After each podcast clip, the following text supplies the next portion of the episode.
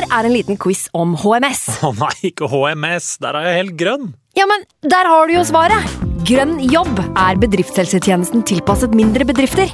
Våre HMS-eksperter hjelper mer enn 8000 bedrifter over hele Norge med alt fra lovpålagte HMS-krav til pålegg fra Arbeidstilsynet.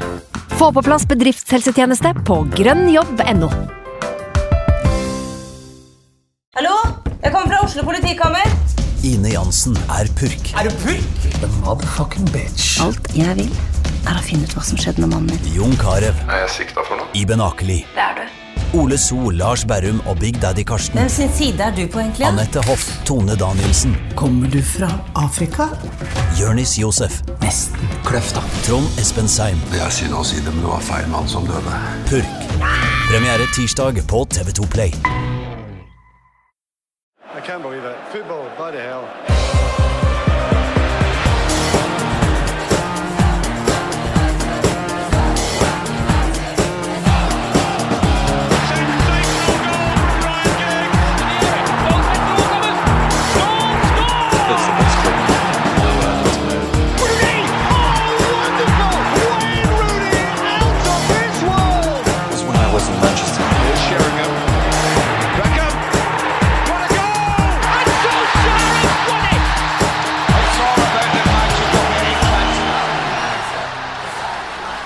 Åtte skader, tynn tropp, ingen sportssjef, masse rykter og amerikanske eiere med tvilsomme motiver. Midt i stormens øye har Ole Gunnar Solskjær funnet tilbake til ti på to-grepet og ledet sitt gode, gamle United til fem seire på de sju siste kampene. Du hører på United We podcast, og jeg er ikke Ken Vasenius Nilsen. Men jeg skal gjøre mitt beste for å ikke kjøre podkasten i grøfta. Og med meg så har jeg to eh, dyktige United-supportere. Christian Nilsen fra NRK, velkommen. Takk, takk. Alt bra? Er det noensinne det? Uh, nei, men det er mye som er bra. Det er mye som er bra. Og Petter eh, Wermli, skuespiller. Takk. Forrige gang vi så hverandre, Petter, det var eh, etter mirakel i, eh, i Paris. Ja, det var stort. Det er mye som har skjedd siden da, men det var litt av noen dager som vi opplevde eh, på den tida der. Ja, det, det føles liksom så lenge siden ut, men samtidig så er det jo ikke det. Men mye har skjedd siden da, det er helt sikkert. Og noe av det som har skjedd, er at United har slått Partisan 3-1, og de har slått eh, Nei, unnskyld, de har slått Partisan 3-0, og de har slått Brighton 3-1, og det er noe av det vi skal uh, snakke om. Menyen i dag den består av eh, at United de har åpna en fotballkamp eh, på beste måte på 30, måten, på 30 måneder. Eh, hvorfor nekter eh, Rashford å gjøre ting enkelt? Kan Fred faktisk være vår beste brasilianer? Er topp fire et luftslott? Og så skal vi også innom et litt kontroversielt fansin-intervju. Eh, Jeg tror vi bare begynner med det som skjedde sist, altså 3-1-seieren mot, eh, mot Brighton. Ole Gunnar Solskjær sa etter kampen at dette her var sesongens beste match. Er du enig i det, Christian? Jeg vet ikke om det var den aller beste, men eh, en av de beste. Det er klart det. Det er et brukbart resultat mot en motstander som ikke er altfor dårlig, ikke altfor god heller. Men eh, det er jo litt rart at man skal sitte i 2019 som United-fan gjennom 30 år og si at ja, det å slå Brighton 3-1 hjemme, det er et veldig godt resultat. Det forteller jo en del om hvor eh, langt, hvor katastrofalt langt man har klart å falle siden 2013, og hvor mye som har gått galt i så mange ledd i løpet av de årene. Det her har jeg gnålt mye om før. Men eh, det er noe som jeg er veldig opptatt av. Men vi kan jo prøve å holde oss til saken. Jo da, det var en del ting mot Brighton som var eh, bra. Det var jo morsomt å se hvordan enkelte offensive spillere sprudla på en annen måte enn det man har sett før. Kunne vunnet eh, 5-1 og, og 6-1. Eh, Og så er det jo litt eh, kult med Fred. da. Altså Det er jo en spiller der inne. et eller annet sted. Man har jo slitt veldig med å få det ut. Man har lurt fælt på hva var det i all verden de så i ham.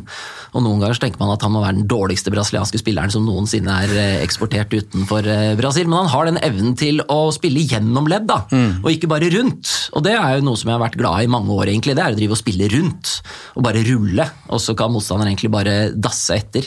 Og så blir det ikke noe gjennombruddshissighet. Det får vi når han vise fram eh, foten sin, så det er bra. Mm. Vi snakka litt om Fred eh, for noen episoder siden, og, og da var han på vei opp og fram. Og vi konkluderte vel med at det her kan gå begge veier, egentlig. Vi har ikke sett nok av Fred foreløpig til å liksom si at han er verdt de 52 millionene United betalte, men en kamp mot Brighton var vel kanskje, kanskje den beste i United-trøya hittil. Eh, ja, jeg syns jo det. Det. Men det er som du sa, altså eh, Vi har lurt på liksom, Er han den dårligste brasilianeren noensinne og, som har tatt på seg fotballsko. Eh, og, og flere med Ja, det da. Klebersen, Klebersen nå, da. Ja, ikke sant? Men altså Andreas Pereira uh, og, og med flere. Men altså, og spillere som liksom har vært litt sånn De, de blir aldri noe mer enn en god Burnley-spiller, liksom. Og da er, er det vi som nå har falt ned til et godt Burnley-lag? Eller, eller har de kommet seg opp på nivå, da?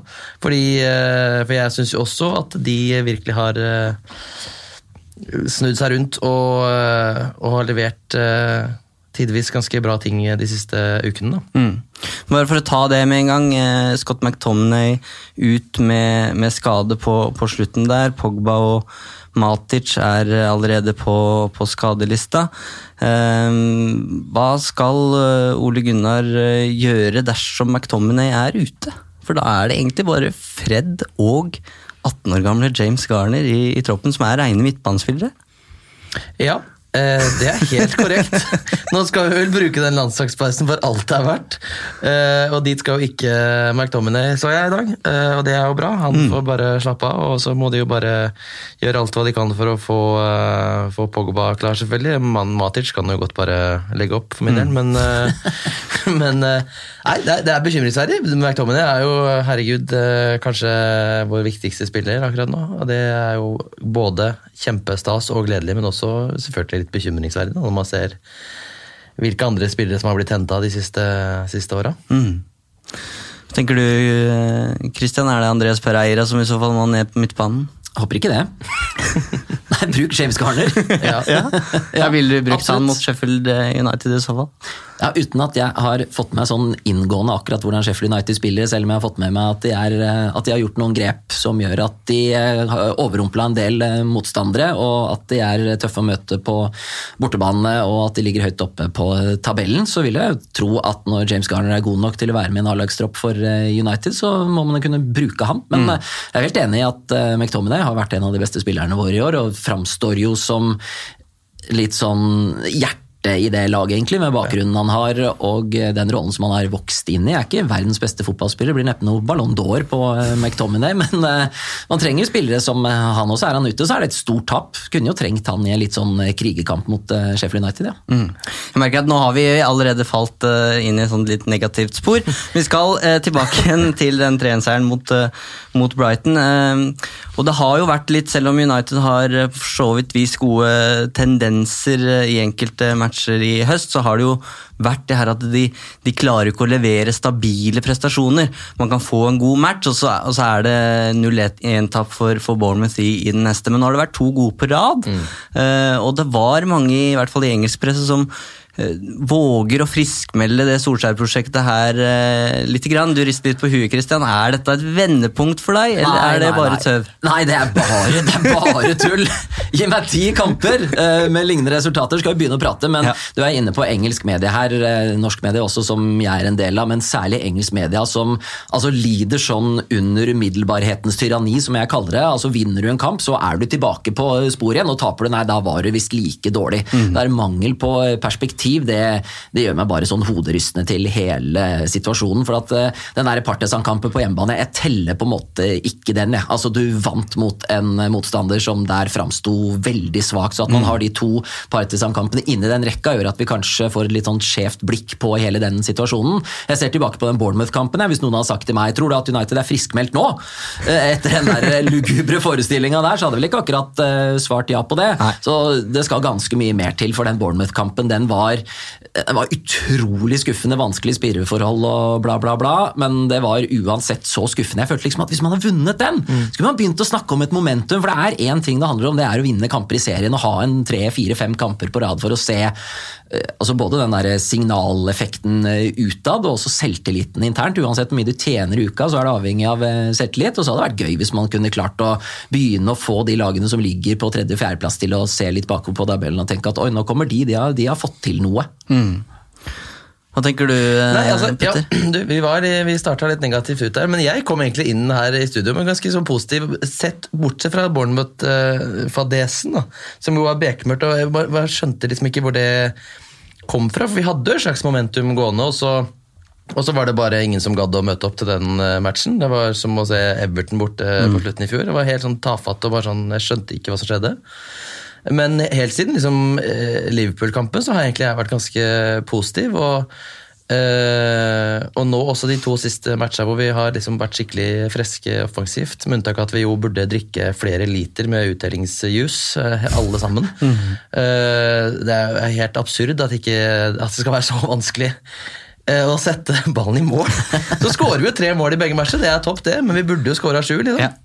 Eh, og det er ikke noe veien Bare gjør det. Det er ikke noe farlig å skåre sju. Uh, lov det. Eh, men men eh, nei, ja, nei, egentlig så har jeg vært ganske positiv. Eh, men så er det litt sånn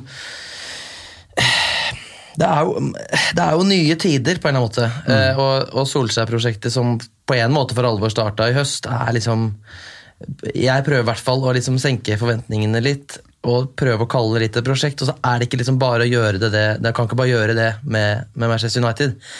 Men jeg ser liksom, prøver liksom dra ut det positive med liksom McTominay, som har blitt den lederen, og Williams, som nå kommer opp. Eh, James er jo helt fantastisk, og det er altså Ja, han er bare helt nydelig. Eh, men, men det er klart eh, Og ikke sant, Lia-cupen mot, eh, mot Chelsea der, og vi eh, eh, kan plutselig liksom se mulighetene for å ta en tittel. Selv om det er O'boy Cup, så er det en tittel. Det hadde vi trengt. da. Eh, kanskje Europaligaen eh, kan være mulig å liksom vinne, og plutselig så Men, men topp fire ser jo veldig mørkt ut, selvfølgelig. og det Men det hadde jeg på en måte en eller ikke forventa heller. Men jeg, jeg vil jo på en måte ikke innrømme det, men, men eh, men jeg har liksom troa på å starte på nytt, da, selv om det kommer til å være vondt. Liksom. Kanskje et par år. liksom. Så har det jo vært kjempevondt uansett de andre åra, og det har jo ikke fungert heller.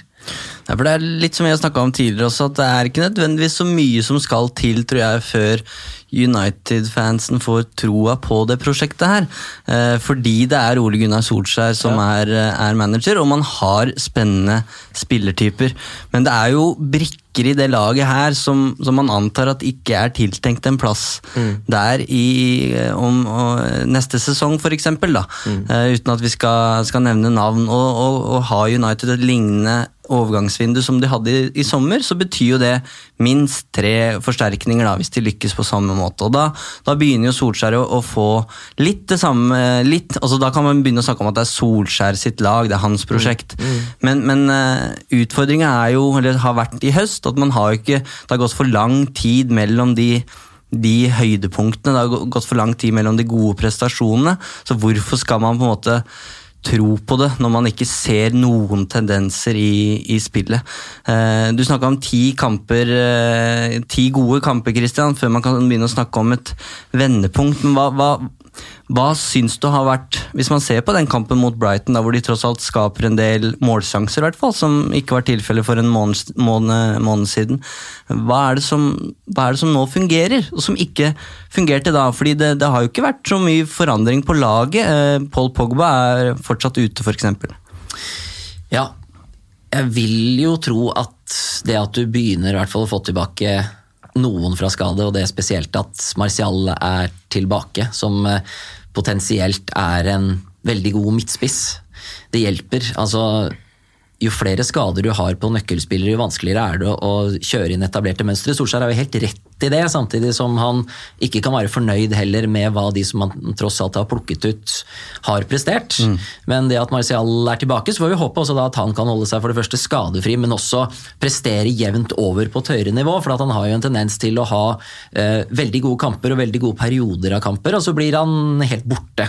Så han må jo bare pushes til å prestere på et høyt nivå, og så får man se om han har den der indre gløden, denne indre motivasjonen som skal til for liksom å si at ok, men jeg, jeg, jeg skal bli jeg skal bli Uniteds førstespiss, jeg skal bli Frankrikes mm. førstevalg på topp, og det er ingen som skal dytte bort meg. Det er jeg spent på. Uh, og så er det jo hvis man kan få i gang noen midtbanespillere som er mer fremoverretta enn det vi har sett i løpet av uh, de siste årene, så er jo det selvfølgelig en kjempefordel, for du ser jo det gang på gang med de beste lagene, at det er de spillere som kan være kreative med ball. Det trenger ikke være verdens mest avanserte pasninger så lenge den har en funksjon, og de som er foran der, eh, vet hva de skal gjøre, og at den pasningen utløser eh, bevegelse og flere bevegelser. Så er det ikke så veldig mye mer eh, enn det som skal til. Og så må vi jo glede oss over, jeg skal ikke bare være negativ, men eh, alle historier trenger litt motstand for at det skal bli eh, en god historie. Eh, Så jeg får spille den rollen litt, men også litt positivitet. Det er jo at de tre forsterkningene som faktisk har kommet inn, har levert på et veldig bra nivå. Men det som teller nå, er jo å få en gang de neste tre forsterkningene, og de neste tre etter det, sånn at man i løpet av et par år har bytta ut en hel førsteelver med noen, noen få, få hedre unntak. Men det det er klart, det tar jo tid. Mm. Jeg tror vi skal snakke mer om den strategien eh, på overgangsmarkedet etter hvert, men bare for å stoppe, stoppe litt ved det du snakker om på, på midtbanen der, der, der syns jeg jo det tydeligste minuset da med overgangsvinduet var at United ikke fikk inn en midtbanespiller. Og med tanke på at du mister Fellaini, eh, eller slipper Fellaini og, og mister Herrera, så er, så er det helt utrolig at de går inn i det overgangs- eller 2019-2020-sesongen uten en ny midtbanespiller. Nå har det fungert med, med Fred og McTominay, men jeg føler vi, vi er ikke helt uh, overbevist ennå. Og så er spørsmålet selvfølgelig hva som skjer når Pogba kommer tilbake igjen. Absolutt. Altså, Herrera var det absolutt verste. Det var kjempetrist. Og så god som han var, og så øh, spesielt på slutten. Det var kjempetrist. Men øh, det, det ble jo en, en, et resultat av Sanchez og lønn og drit, opplever jeg. Eh, Men, men jeg har egentlig troa på, sånn midtbanepolitisk, at, at liksom James og, og Rashford kan eh, kan dyrke som, som vinger og, og Martial som midtspiss. Det er klart, det er jo risky, da, for vi har ikke så veldig mye, mye å rutte med hvis, hvis de blir skada. Men, men det er vel den offensive midten, den tieren, eller hva man skal kalle det, som, som jeg føler ikke Andreas Pereira er helt Nei, ikke helt. altså. Nei, det, har vært, det har vært litt positivt de siste gangene, men, men, men, men jeg klarer ikke helt å slå meg til ro med det. Altså. Nei. Vi, Eh, vi, vi snakka mye om tieren sist, og Øyvind Eide hadde taktisk analyse på Pereira eh, fra Brighton-kampen på united.no, så jeg anbefaler alle å gå inn og lese den hvis de vil lære mer. Men uh, Pereira, verken per, Pereira eller Lingard har, har eh, vokst inn, inn i den rollen. André Herrera ga nylig et intervju snakka om at uh, følelsen i United var at uh, fotball var ikke det som nødvendigvis sto i sentrum. Det skal de gjøre i podkasten vår nå, for nå tenkte jeg vi skal gå igjennom fotballkampen mot Brighton, og vi begynner med 1-0-målet. Uh, Solskjær snakka om at det var den beste kampen, men det var neppe det vakreste målet. Andreas Pereira, som Jesper Mathisen sa på, på, fra kommentatorboksen der, han gjør jo alt feil, eh, men det ender jo med scoring. Ja, skikkelig drittmål. Men det var deilig òg. Det, var- ja, det var jo bra trøkk, og det var godt å bare få den, få den inn. hvis Ja, det en som trengte drahjelp, Ja, så var det vel Andreas det var Pereira. jo det. Men han har jo plut- plutselig så limer han mot Southampton i fjor, han har jo noe plutselig Men det var hans forrige, og det er det som er litt problemet Ja, ja, ja. med absolutt. Pereira. At man snakker om han som en spiller som har et godt skuddbein, Mm. men han skårer jo ikke mål. Nei. Nei. Eh, og når man ser på den statistikken på tierne våre, som også var en sak som var på United.no tidligere, så er jo den skrekkelig. Og den forteller jo ganske mye om mangel på kvalitet i en utrolig viktig rolle i den måten som Solskjær vil eh, spille på nå. Og så spørs det om han fortsetter med det. altså Det er ikke noe vits i å hente en tier på den måten, kanskje hvis du skal spille 4-3-3, hvis man ser for seg eh, Rashford og, og James som litt sånn med rendyrka vinger, så er det vanlig at det kan diskutere en sånn treer på midtbanen. Kanskje man kan ha to eh, sittende og en som ligger rett mm. foran. Men han, han må jo hente de spillertypene som trengs på den måten han skal eh, spille på. Men det virker jo som han har bestemt seg ganske godt for eh, 4-2-3-1, og da har vi ikke god nok dekning på den eh, tierplassen eh, heller. Alle, alle ser jo det. Det hadde vært veldig kult hvis Andreas Pereira med sin historie, måten han kom igjennom på i klubben, skulle lykkes. Men er det han som gjør at vi tetter gapet til eh, Liverpool og City? Det, er det, det har vi vel lov til å tvile på, for å si det sånn. Ingar Arne han spør på Twitter eh, hva Ole skal gjøre når Pogba er tilbake. Eh, litt da med tanke på Fred og McDominay. Skal man bryte opp den duoen, eller skal man legge om til eh, 4-3-3, der Pogba har blomstra tidligere, eller skal Pogba inn, i, inn som en tier? Ja, jeg syns Pogba kan eh, kjøre tier, jeg, altså. Mm. Eh, ja, det, han har jo vært det liksom, forsøksvis, og det, jeg syns det har vært uh... Det det er jo mange som i hvert fall eh, argumenterer for at uh, Pogba i begynnelsen av det Solskjær-eventyret her, hadde den tierrollen. Ja. Jeg syns kanskje han var mer en, en fremskutt midtbanespiller. Han var ikke en tier som, som det Mata er når han er på banen, f.eks. Eh, men Solskjær har også prøvd Pogba som en tier utpå våren når det ikke fungerte spesielt godt, og da, da virka det ikke. Og Det er det som har vært litt problemet med Pogba. han, Jeg syns ikke det virker som at problemet med han er hvor du bruker den, men det er bare us, ustabilt. Ja. Det er ustabile prestasjoner. Ja, det er jo det. Eh, Helt enig i det. Og jeg tenker jo at om du spiller ti meter lenger fram eller til høyre eller venstre, Ja. bør ikke spille så veldig stor rolle. Men eh, det er jo en annen ting da, som vi snakker litt om, det er jo hva du har av kvalitet rundt deg. Og kanskje han er en spiller som trenger bedre spillere rundt seg, eller kanskje han ikke er så god som det vi håper på. Ikke sant.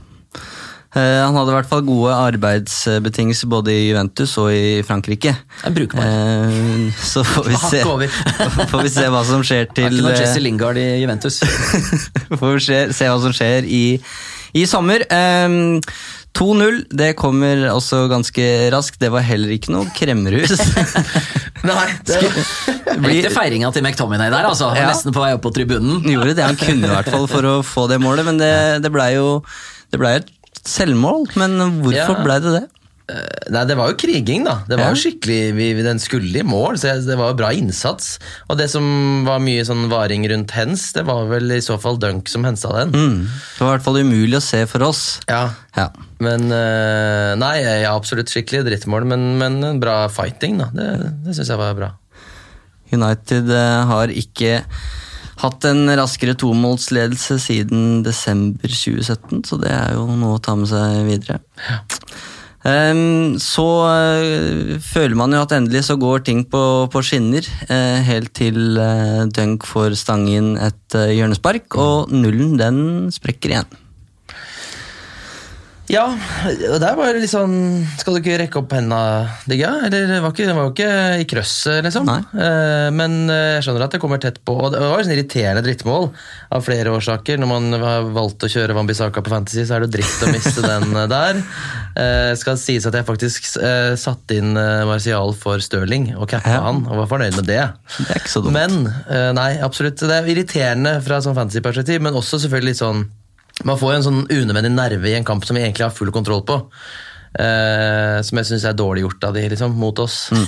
Fantasy har kanskje gitt oss et litt sånn usunt forhold Ja, til clean sheets, fordi man, man, eh, de seks poengene har så mye å si. Men, men man veit jo, og man har sett det før, at keepere de er også relativt opptatt av eh, clean sheets. Mm.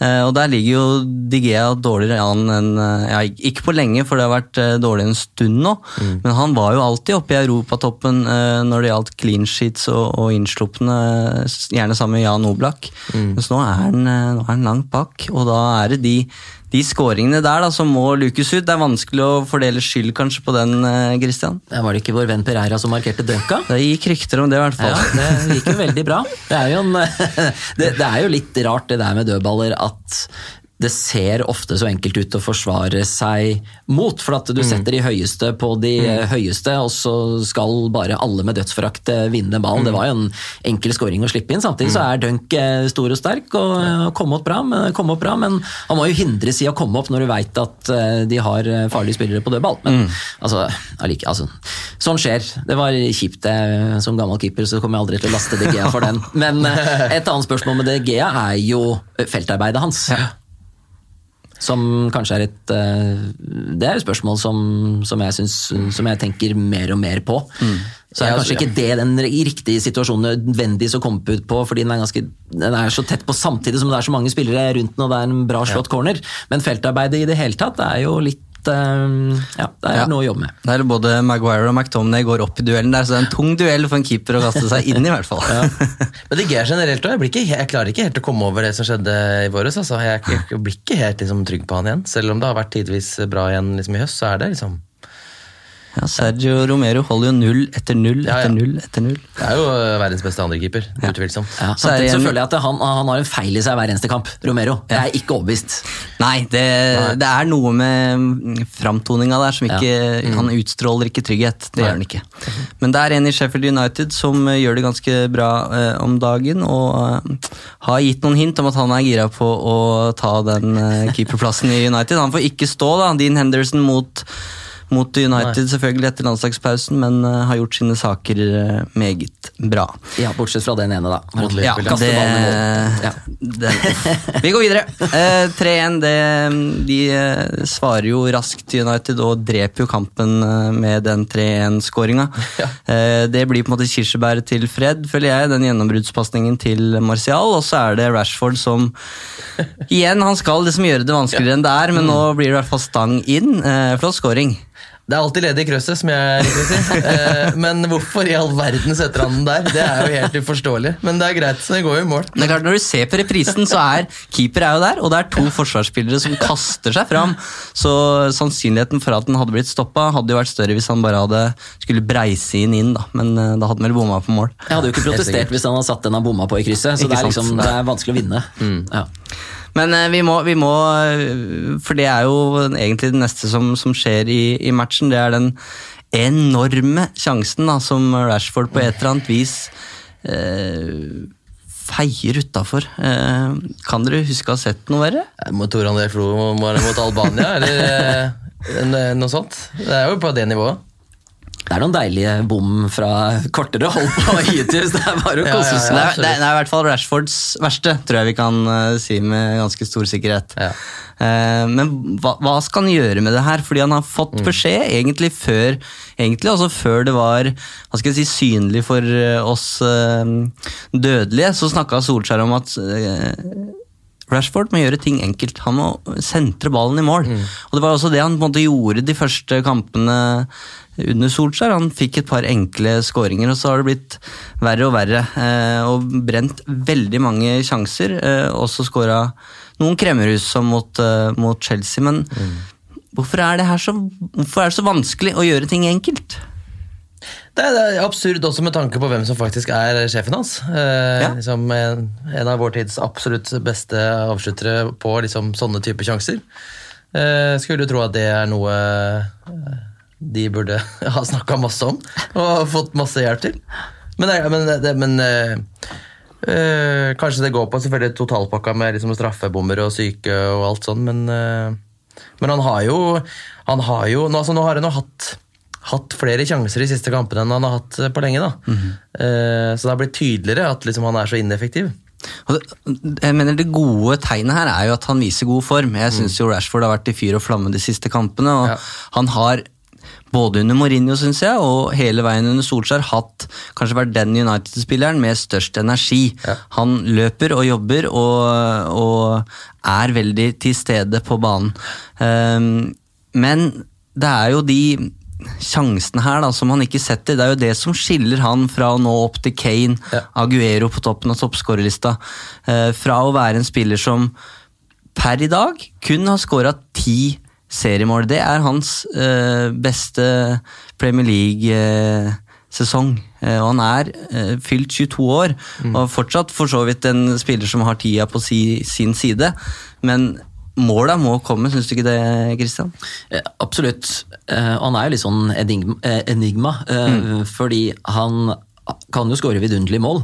Og så kan han også gjøre det enkelt. For det har vi jo sett flere ganger, hvordan han bare kan sette fart på, bare komme seg forbi opphavsenden sin og bare plassere den enkelt i målet. Ser jo ut som verdens enkleste ting. Litt det samme, Marcian, når de to gutta der først er på hugget og er der hvor de skal være, så er jo det spillere som kan score over 20 seriemål, begge de to. Det er, jeg er ikke i tvil om det, men samtidig så har det jo da vært over tid et stykke unna å gjøre det. Men at det ligger der, og at det må være noe som det er mulig å gjøre noe med under en av eh, de beste avslutterne vi har sett, det, det vil jeg tro i hvert fall. Så der skal jeg være litt optimistisk. Ja. Og det virker som synes jeg, at selvtilliten er litt tilbake. Jeg synes Han virka skjør eh, tidligere i høst, men nå virker det som det er et eller annet eh, At det har falt litt på plass. og jeg tror da i jeg tror det har hjulpet veldig å få tilbake eh, Martial. Det snakkes mye om Cole og York og sånne ting. og Jeg syns de må bare få gjøre sin greie. Eh, de er, det er, dette er jo ikke 4-4-2.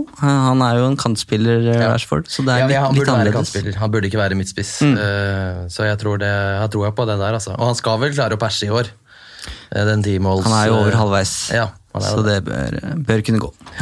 Um, vi skal dele ut poeng til eh, Uniteds beste spillere. Vi har vært innom, eh, innom mange. Hvem er det som eh, bør nomineres her? Ja, nå er vi på Brighton, ikke sant? Nå er vi på Brighton. nei, jeg, jeg, jeg, jeg syns jo både, både Rashford og, og Martial og, og James burde nevnes. Jeg har Mm. ikke helt bestemt meg for rekkefølgen, men jeg legger i hvert fall de på bordet. Ja. Fred. Fred skal også få være med på bordet, ja. Mm.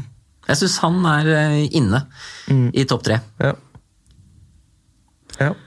Christian, vil du gi dine poeng eh, først? Jeg syns Fred fortjener det opptur, Altså han eh, får tre. Og så får Martial eh, to, og så får eh, Rashford eh, ett. Ja. Da sier jeg tre på Martial. eh, to på James og ett på Rashford. Og så honorable mention da, til eh, unge Williams. Ja, ja, absolutt. Som spilte veldig bra. Sin første Premier League eh, Veldig kult. fra start. Veldig kult. Men kunne blitt utvist. Kunne blitt Jeg satt med følelsen nå kommer det rød. For gjør du det der og utsetter motstanderen for fare på, det, på, den, på den måten der, så kan du fort ryke. Altså. Så jeg følte han var heldig, rett og slett. Jeg følte nesten at han fikk den for litt sånn uh, urutine av eh, Moss. Ja, jeg tenkte jeg litt sånn, Har du vært litt for mye sammen med Marcos Rocco på fritida? Det må du ikke gjøre.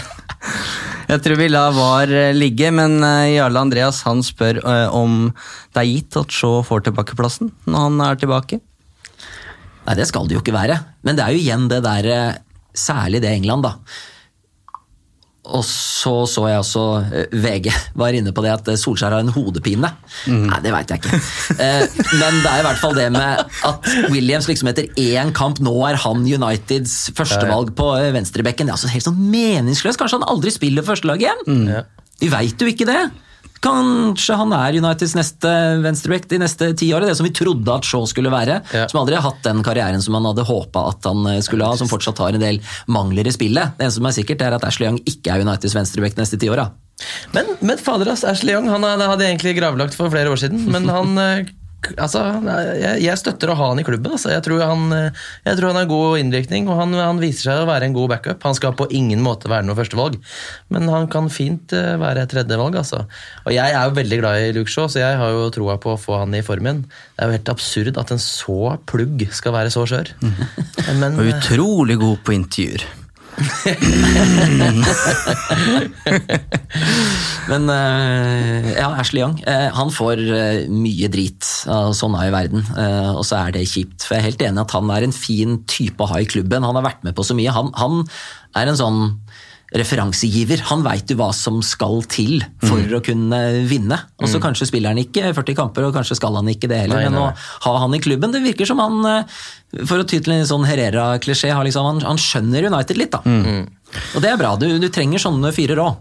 Absolutt. Eh, og det er gledelig nå at det er kamp om en plass på Manchester United. Vi har jo opplevd her at spillere har levert, kanskje da spesielt i tierrollen, nesten levert i stryk kamp etter kamp, men få mulighet etter mulighet, fordi det finnes ikke alternativer. Nå er det i hvert fall kamp om, eh, om venstrebekken, og også etter hvert på midtstopperplass når Tuan Sebe kommer tilbake igjen. Mm. og jeg tror du har rett i det, Kristian, at jeg tror ikke jeg tror ikke Solskjær sitter og knasker hodepinetabletter pga. det her. Nei, jeg tviler. Men eh, med tanke på Brandon Williams så er det jo litt interessant at han, han er en spiller som Han var jo med til Paris. Uh, var ikke med i troppen, men, men det er jo på en måte et tegn. Men så han, har han på en måte ikke vært med i, i diskusjonen da, om talentene som kan få sjansen under Solskjær i det hele tatt. Uh, og det at, uh, det at vi får fram en sånn som det ikke har vært snakka så mye om, det syns jeg som United-supporter er utrolig kult. fordi man, man visste, eller mange visste i hvert fall godt hvem Mason Greenwood var da han eh, fikk eh, sjansen av Solskjær i, i våres, mens det her er på en måte en joker som kommer litt ut av intet. Eh. Men herregud, han er venstrebekk, da. Altså, alle de dårligste spillerne blir satt på venstrebekk, så hvor mye skal til?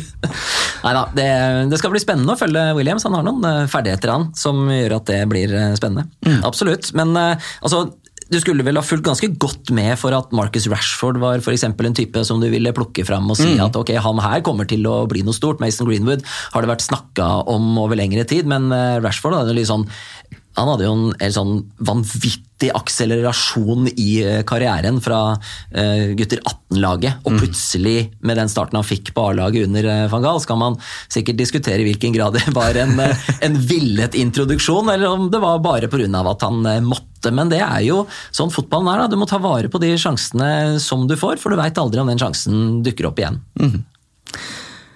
Vi går eh, videre. Først et eh, veldig kjapt spørsmål som dere bare skal svare ja eller eh, nei på. Er det noen sjanse for at United kan klare topp fire, Petter? Ja. Christian? Ja. Selvfølgelig. Ja, men da går vi videre. Eh, 3-0 mot Partisan. Eh, det er jo da den andre veien til Champions League for Ole Gunnar Solskjær. Eh, syns dere han fortsatt skal Nå virker det som han, eh, han setter pengene sine litt på to hester her. Eh, stilte et meget sterkt lag, eller i hvert fall et overraskende sterkt lag, mot eh, Partisan. Eh, s- kan dere på en måte se fram mot våren og tenke at et, et Europaliga ja, vi kaller det et eventyr, eh, kan på en måte gi, være gøy å være med på? Eller har vi vært der før og tenker at det er kjedelig? Nei, det er jo hyggelig òg. Ja. Fotballkamp på torsdager, det er jo fint. Men ja, nei, jeg, jeg, jeg tenker at det er et eh, glimrende, eh, glimrende utstillingsvindu for, for Greenwood og med flere. Eh, og tenker at, eh, men jeg tenker at vi skal prøve å vinne den. Det tror jeg er en eh, eh, Hvorfor ikke? Altså, jeg må i hvert fall gjøre det enn så lenge når man er såpass langt unna topp eh, top fire. Hva tenker du om sjansene, Christian? De har jo ikke sluppet inn mål i Europaligaen og vært relativt komfortable, selv om AZ-kampen ikke var eh, noe fyrverkeri. Nei, det er en ganske svak pulje, da. Det blir jo mye hardere motstand etter hvert. Men når vi er der vi er, så er det jo snobbete å si at vi ikke skal prioritere en billett til Mesterligaen. Absolutt ikke. Så det er bare å satse på den. Jeg tviler på topp fire-plass, men før det er matematisk umulig å nå det, så kan man jo ikke si at det ikke går. Vi stopper opp litt ved, ved Mason eh, Greenwood, som eh, skårer igjen når han får eh, muligheten. Det var mye snakk om det her etter partisankampen, at han han, det var på tide at han fikk sjansen fra start i Premier League. Og det her er, går litt på det vi snakka om i stad, med talenter og eh, hyping av talenter. Fordi når man snakker så mye om en spiller som egentlig ikke har spilt så mange minutter, eh, så så dannes det på en måte forventninger om at spilleren kanskje er bedre enn det han er, eksempel, og at han har kommet lenger fram, mens Ole Gunnar ser på treningsfeltet hver eneste dag hvilken dynamikk det er i troppen, hvordan Mason Greenwood takler eh, press, eh, og det å spille på Old Trafford uke inn og uke ut, og som han sa, som han sa mm, etter kampen mot Partisan, at han må han, må, han har ikke dårlig tid, han må lære seg det, det å spille mot menn. og de lot f.eks. han da spille i EFL IFL Trophy Cupen istedenfor å være involvert i, i førstelaget for, eh, for noen uker siden. Hva tenker dere? Nå, nå er det sterk konkurranse da på, på topp med, med Rashford, Marcial og James som er i, i kjempeform, men syns dere Greenwood har fått at det holder med de innhopp han har fått? Jeg tror han har ni innhopp i, i Premier League, eller bør han få sjansen fra start? Er det en erfaring som han nå trenger? Jeg, syns det var positivt mot eh, Partisan. Og så leste jeg etterpå at Solskjær eh, sa at han kan ikke forsvare det han altså Ut det han ser på treningsfeltet, så kan han ikke forsvare å kjøre han fra start i Premier League. Og så tenker jeg sånn, Er liksom Lingard helt sinnssyk på trening, eller, og Pereira, eller er det noe vi ikke får med oss? Fordi eh, det var noen andre som foreslo en, en løsning mot, eh, mot Brighton, som var eh, James i tieren og, og Greenwood og Rash på vingene. da, eh, Som jeg syns har vært spennende, og enn så lenge når ikke vi har en velfungerende tier, så eh, så kan jeg gå og se mer til Greenwood, men det er klart han er jo veldig bygd opp. og Det, det, det er jo ikke sånn at han går utpå der og er helt, helt eh, sinnssyk, men han er jo veldig ung, da, og jeg, jeg syns tidvis det er veldig, veldig spennende det han gjør. altså. Og en utrolig sånn kald og deilig scoring. Ja, den vurderinga der er, er det Solskjær og hans mannskap som er i særklasse best kvalifisert til å gjøre. Der kommer man inn litt igjen på medias rolle. Altså, Vi har en rolle, og det er underholdning, og vi skal få lov til å lage de historiene som vi mener eh, gir en god og riktig og en litt tabloid eh, dekning eh, av det som vi oppfatter som eh, situasjonen. Så det, det er helt greit, jeg har ikke noe problem med det egentlig. Men jeg kunne vel kanskje sett for meg noen ganger at han, når vi har slitt, hadde kommet inn litt tidligere, Mm. istedenfor å få de siste 12-15 minuttene. Mm. For det kan ikke være noen enkel oppgave. Men eh, jeg tenker at det er bare et tidsspørsmål jeg, før han får lov til å prøve seg fra start. Og James har jo hatt en fantastisk sesonginnledning, men eh, Spørsmålet er jo om en spiller som har den bakgrunnen som han har, og som fortsatt er såpass fersk på det nivået, kommer til å ha det nivået ut sesongen. Det var et veldig ledende spørsmål, jeg tror ikke det. Og da kan jo Mason Greenwood være grei å ha i eh, bakhånd. Ja, så kommer det mange muligheter nå i eh, november og desember. Eh, To kamper i Europa League som skal være transportetapper, og en ligacupkamp mot, mot Colchester. Så tipper han i hvert fall starter de, de tre. Ja. Men vi er jo alltid på utkikk etter det neste store. Det er jo dynamikken i fotball. Men vi veit jo ikke hvordan det går med unge Greenwood i framtiden. Kanskje han bare blir en sånn Makeda-type? Ja, Det er det jeg syns på, på mange måter er litt trist. Eh, igjen tilbake til det med hyping av talenter. fordi med en gang det var mm, en periode hvor Greenwood fikk en del innhopp og ikke gjorde noe spesielt, og allerede da, riktignok på sosiale medier, altså, men da ser du folk liksom Ah, Greenwood, ja, igjen. Han, det blir jo ikke noe mål, det her. Det skal så lite til, og gutten har akkurat fylt 18 år, eh, så jeg tenker man må ha tålmodighet. Da. eh, Men det er det som er så vanskelig eh, med disse talentene som, som, som hypes hele veien. Jeg tror grunnen til at Solskjær ikke har på en måte kjørt på med alle alle hestene, for å bruke et Mourinho-uttrykk. Jeg tror Solskjær er veldig opptatt av presspillet. Så det å, å stille en, en kvartett foran med, med James, Martial, eh, Rashford og Greenwood, tror jeg han føler blir litt for mye. Jeg tror han føler han trenger en Lingard og en Pereira som først og fremst kanskje er en førsteforsvarer, eh, og som kan delta i det, i det presspillet. Men det kan hende at vi får se det når formen er litt bedre. Mm. Eh, poeng eh, mot eh, Partisan. Skal Greenwood inn der? Ja, jeg syns det. Ja. Mm. Han skal få et slenger, ja. Så blir det også mål på Rashford og eh, Martial. Er det så enkelt som at det er de tre som skal få, få poeng? da? Ja, jeg syns vel egentlig det. Flott eh, goal av Martial, da. Virkelig Og et utrolig kult eh, bilde, jeg vet ikke om dere har sett det. eh, hvor eh, Rett etter at han har scora et eh, veldig sånn eh, ja, selvsikkert uttrykk, og så ligger partisanspillerne strødd bak, eh, bak Marcial. Jeg skal legge det ut på Instagram, så kan dere ta en kikk.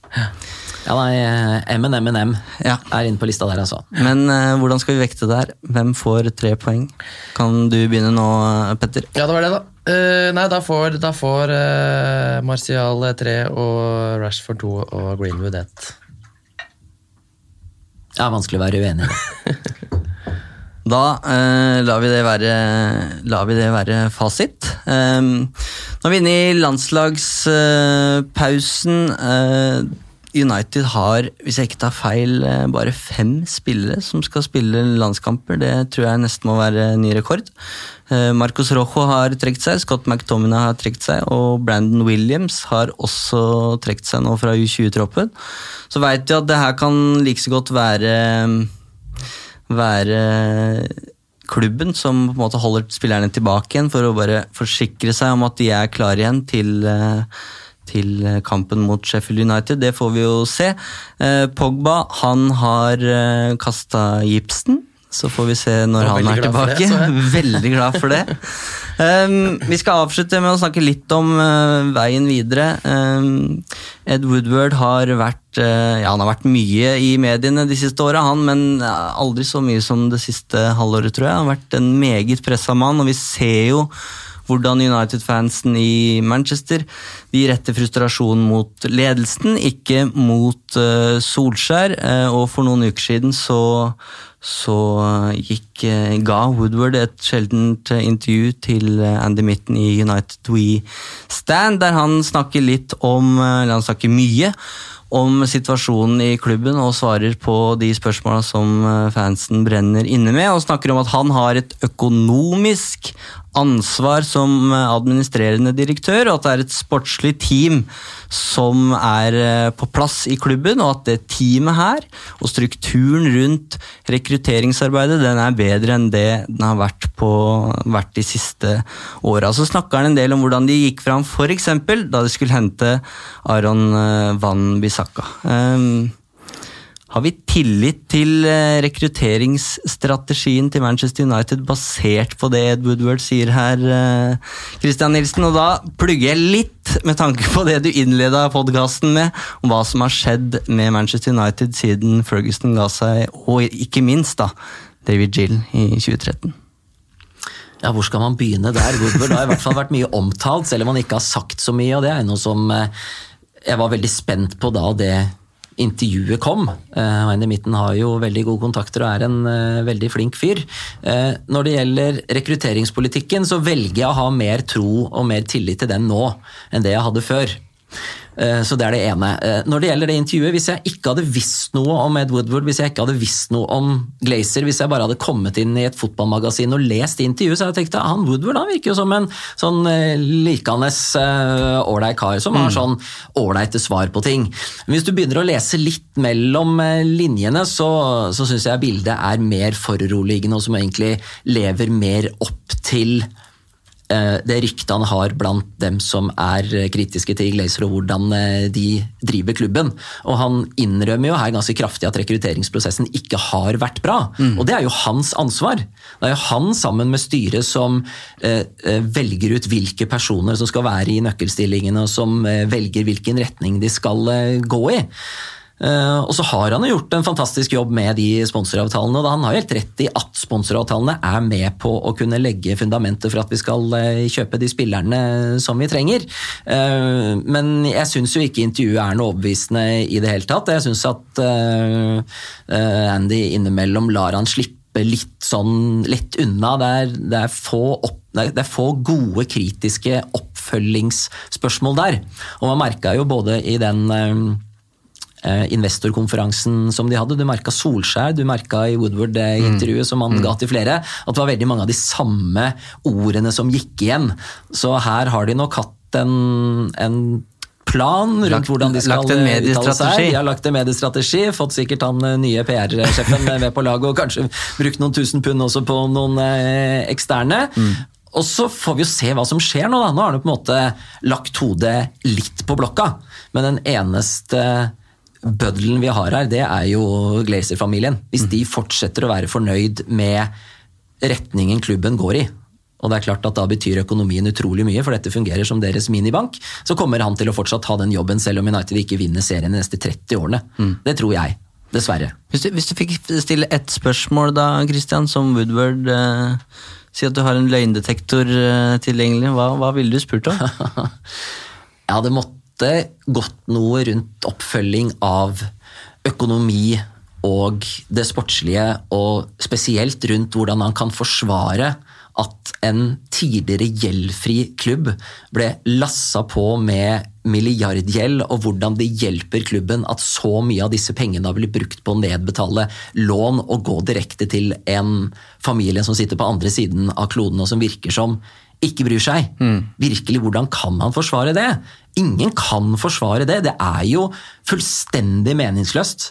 Det er eh, altså Sett bortsett fra München-ulykka og alt det forferdelige som skjedde der, så, så syns jeg at Glazer-overtagelsen og det som har skjedd etter det, er den største sånn katastrofen mm. i nyere United-historie. Jeg syns det er helt forferdelig. Det er sånn, Innimellom så blir jeg, jeg går ut og tenker på det, så blir jeg rett og slett lei meg over at klubben blir styrt på den måten av disse menneskene. Når man ser hvordan eiere i de andre klubbene rundt omkring i verden, de klubbene som vi liker å sammenligne oss med, bruker klubben for, som et verktøy for å putte penger inn, mm. sånn at de skal prestere så godt som mulig.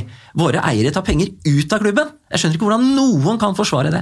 Men i, Du sier at du ikke blir helt, eh, helt overbevist av intervjuet, men med tanke på den retningsforandringa vi har sett uh, det siste året, med ny manager i Ole Gunnar Solskjær og nye, en ny filosofi da, som klubben skal drives etter.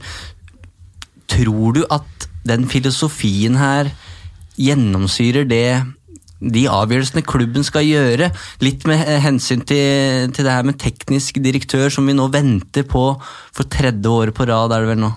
Ja, jeg synes det er filosofigreiene, De snakker så fint om Manchester Uniteds filosofi, at de skal bruke unge spillere, men det er ikke det jeg legger inn filosofi. Når jeg ser en, en moderne fotballfilosofi, så går det på hvordan skal vi faktisk spille fotball? Hvilke spillertyper skal vi hente? Hvordan kan vi rigge organisasjonen sånn at vi ikke er så manageravhengig? Altså, se på Manchester City og se på Liverpool. De har en filosofi. De skal spille på den måten som de gjør på, hvor det er klare, gjenkjennbare trekk. Det at du skal bruke unge spillere, det syns ikke jeg liksom er noen filosofi. For du må jo bruke gode nok spillere. Mm. Om de er unge eller gamle, eller om de kommer fra Withenshaw eller fra Warszawa, spiller ikke så stor rolle for meg. Selv om det er kult å ha noen uh, unge spillere, sånn at du i hvert fall kan, uh, kan bruke det som et litt sånn badge of honor. da. Mm. Hva tenker du, Petter? Nei, nei, det er jo også liksom påtvunget filosofi. Det som er de unge Det er jo det at vi ikke har noen andre også, som gjør at vi blir tvunget til å bruke disse spillerne som vi nå bruker. da. Eh, men jeg tenker jo også at det er eh, det er jo en ypperlig mulighet til å bruke disse altså Williams og Garner og Greenwood og alle andre som står og banker på døra. Men, men, men selvfølgelig, de må jo være gode nok, og der har vi ikke mange nok enda. Det ble henta tre kjempebra signeringer. Mm i forrige vindu. Jeg håper det kommer i hvert fall én, kanskje to i januar, og, og tre, tre, til til sommeren igjen. Så, så, begynner vi å snakke om et lag som Solskjær har bygd selv. Da. Men på en skala fra 1 til 10, hvor stor tiltro har du til at de kan gjenskape et helst da egentlig enda bedre vindu? Eh, fordi tre brikker er sannsynlig, sannsynlig hvis ikke nok, i hvert fall ikke hvis Paul Pogba forsvinner. Så hvor stor er troen på at det blir et godt sommervindu nå? Jeg har egentlig ganske troa på det.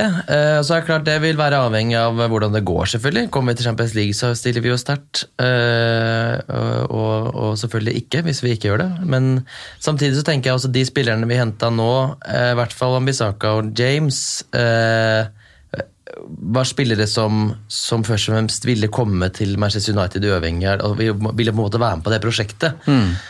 som heter Solskjær. og jeg er for så vidt egentlig selv om det var utrolig fristende med Dibaya og Eriksen og, og med flere som, eh, som ville kosta skjorta, så, så syns jeg egentlig det er ganske kult at ikke vi henter de også. At vi henter andre typer spillere. Eh, som, eh, som, både koster mindre, og som på en måte som først og fremst vil komme, da, selvfølgelig. Mm, mm. Og det, det, høres litt absurd ut, men det, det, er jo faktisk litt sånn. da. Ja, men Det er det som har vært eh, Det virker i hvert fall som det har vært et problem. At det har mm. kommet spillere som uh, ja, ja. egentlig har kommet fordi de får god lønn. Så har de egentlig ikke så lyst til å verken være i Manchester eller spille på Old Trafford. Nei, de må jo ha et ønske om å være i klubben og bidra i uh, riktig retning, men uh, ja, de, altså de må være gode nok. Det må være god mm. nok kvalitet. Det kan mm. ikke bare være det at jeg vil spille for Manchester nei, United. Nei. For uh, de aller fleste vil jo det. Og når de attpåtil får en million eller tre i uka, så er det jo, er det jo helt greit. Uh, og så er det jo ikke noe tvil om at vi trenger jo flere spillere, trenger flere kvalitetsspillere. Samtidig så kan vi ikke bare snakke om ja, bare vi får han, bare vi får en nei, sånn type, så blir vi bedre. Det er også noe som jeg syns er uh, ganske underkommunisert til tider, at du må jo også også utvikle de spillerne som du har der. Solskjær var vant eh, til i tiden i Molde at han kunne gå til onklene sine og så be om penger, og så kunne de kjøpe mm. eh, nesten hvem de ville da i en eh, norsk målestokk. Men han må jo også kunne utvikle det han har der. altså Gjøre som Klopp, gjøre som Pep, hvis han har det i seg. da og faktisk utvikle de spillerne til uh, å bli bedre. Det var jo sånn under Mourinho også. altså Bare han fikk et par spillere til, så mm. kom alt til å løse seg. Og så fikk han dem, og så var det bare et par spillere til. Uh, merkelig at de slipper unna med det, syns jeg. Mm. Dette kunne vært en egen eh, podkastepisode, men vi, vi, setter strek der. Og så tar vi noen uh, smånyheter før vi skal uh, runde av. Viktor Lindløf, han har vunnet den svenske gullballen. Casey Stoney har signert ny kontrakt. Zlatan han kommer visstnok ikke tilbake til Old Trafford, til tross for mange rykter. Og så er det en Busby-film som i disse dager lanseres i England, og uh, i den filmen er ikke ikke sir Alex Ferguson med, visstnok fordi han er i ferd med å lage sin egen film. Så da er det jo filmtips som etter hvert dukker opp på norske plattformer, regner jeg med. Ole Amund han lurer på hva vi skal finne på nå de eh, neste 14 dagene. Har dere noen tips? Nei, Landslagspause er jo alltid like trist. Uh, I hvert fall når du er fra Norge. Men uh, nei. Hvilken scene står det på om dagen, Petter? Du, nei, ja, det er for så vidt sant. Du kan jo dra og se på teater, selvfølgelig. På Snøfall på Oslo Nye Teater. ja. Premiere på torsdag. Ikke sant? Det et reklame ja. Har det ikke blitt noe eh, Solskjærstykke ennå? Vi snakka jo om det sist. At Ja, det var det, da. Ja. Ja, I hvert fall i Molde. da. Teatret vårt i Molde burde jo ta den ballen. Ja. Helt klart. Kristian, har du noen tips? Kan uh, scoute mulige United-tiere, kanskje? I landskampene som kommer. Ja, ja, ja. Når man blir spurt 'Hvem vil du?' når du sitter rundt uh, lunsjbordet på jobben og blir spurt eh, 'Ja, hvem vil du ha, da?' Så kan du si 'Ja, jeg vil ha han'. Jeg så han nå. Veldig bra spiller. Akkurat det vi trenger. Du står ikke på noen scener i Norge om dagen? Nei, ikke i Norge akkurat nå. Sto veldig mye på scenen i forrige uke. Da var det vel seks flyturer på ti dager eller noe sånt, frem og tilbake med litt eh, cup. Så er det damecupfinale eh, neste helg, og så er det jo eh, skihopping. Begynner jo snart. Og så er det herrecupfinale i starten av desember. Ja, da, Du har funnet fram dressen? Ja, ja, Og da tenker jeg på kjeledressen. Både cupfinaledressen og utedressen. Veldig, veldig bra. Eh, en annen ting du kan gjøre, er å eh, klikke deg inn på vår eh, Facebook-gruppe, som vi har starta. Et eget kall det community for norske United-supportere. Der kårer vi om dagen tidenes United-lag. Smichel, Neville og Ferdinand er inne. Har dere noen? Ikke opplagte valg som, som Cantona og, Brian Robson, men har dere noen jokere som dere vil hatt inn på Uniteds eh, United-laget? Hvilket perspektiv var det her, da? Var det Nei, det er egentlig sånn tidenes, egentlig tidenes, men det er klart det er jo vanskelig å vurdere en spiller som Duncan Edwards, men eh, han blir nok med i kåringa, han også, for eksempel. Mm. Jeg, jeg tror nok ikke uh, altså, Solskjær har jo en plass på mitt lag, da. Og det har han kanskje ikke på, på de aller flestes. Han er nok absolutt eh, liksom, på blokka til folk, men, eh, men han har faktisk det. Altså. Men, men det, det, er, så- det er så mange som er helt umulig å komme utenom. ikke sant? Så det er vanskelig å finne plass til så mange joker, altså. Men hvis, hvis man skulle nominert noen, da. Solskjær er med i nominasjonen, Ja. det kan jeg si. Ja, ja, Så han er jo en av de eh, en av de seks da, som skal vurderes til de to eh, spissplassene, f.eks. Er Andreas Pereira der, eller? Ikke ennå.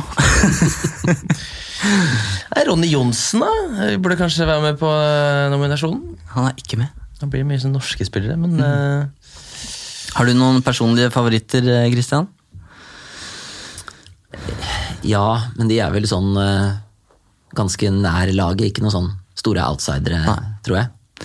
Men det er jo det er nesten en umulig oppgave, så man må jo holde fokus på, på perioder, kanskje. Meld dere inn og bli med på å stemme fram tidenes United-lag. En umulig oppgave. Tusen takk for at dere kom, eh, Christian og eh, Petter. Takk. Veldig hyggelig. Og så eh, satser vi på at Ken Vasenius Nilsen er tilbake. United We Podcast-høvdingen. Enn så lenge, ha det godt.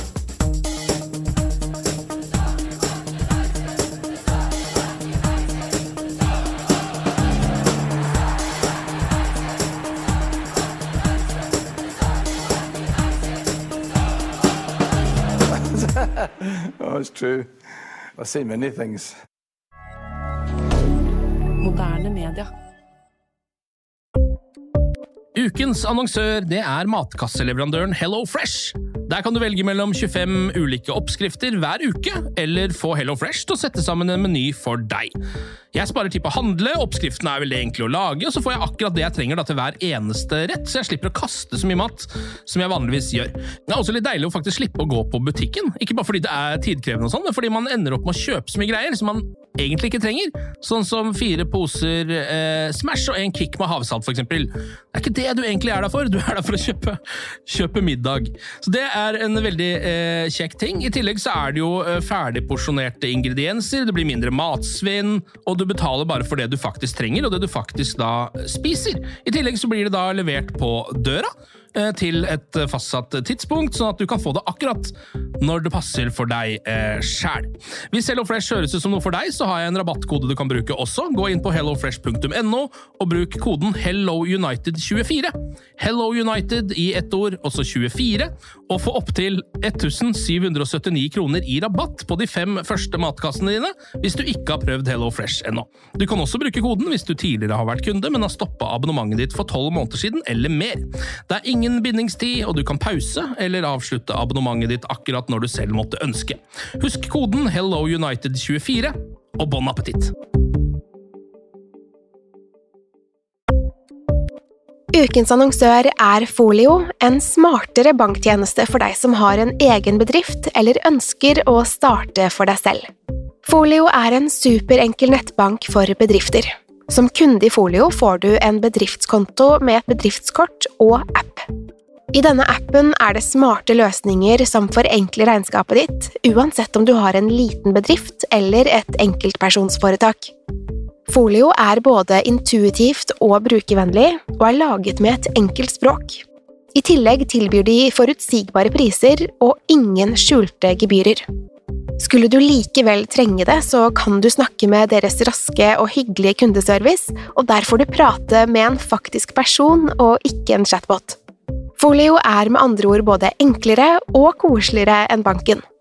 Over 10 000 bedrifter har allerede valgt Folio som sin banktjeneste, så besøk folio.no og se hvordan Folio kan forenkle din hverdag også. Har du et enkeltpersonforetak eller en liten bedrift? Da er du sikkert lei av å høre meg snakke om hvor enkelt det er med kvitteringer og bilag i fiken, så vi eh, gir oss her, vi. Fordi vi liker enkelt. Fiken superenkelt regnskap.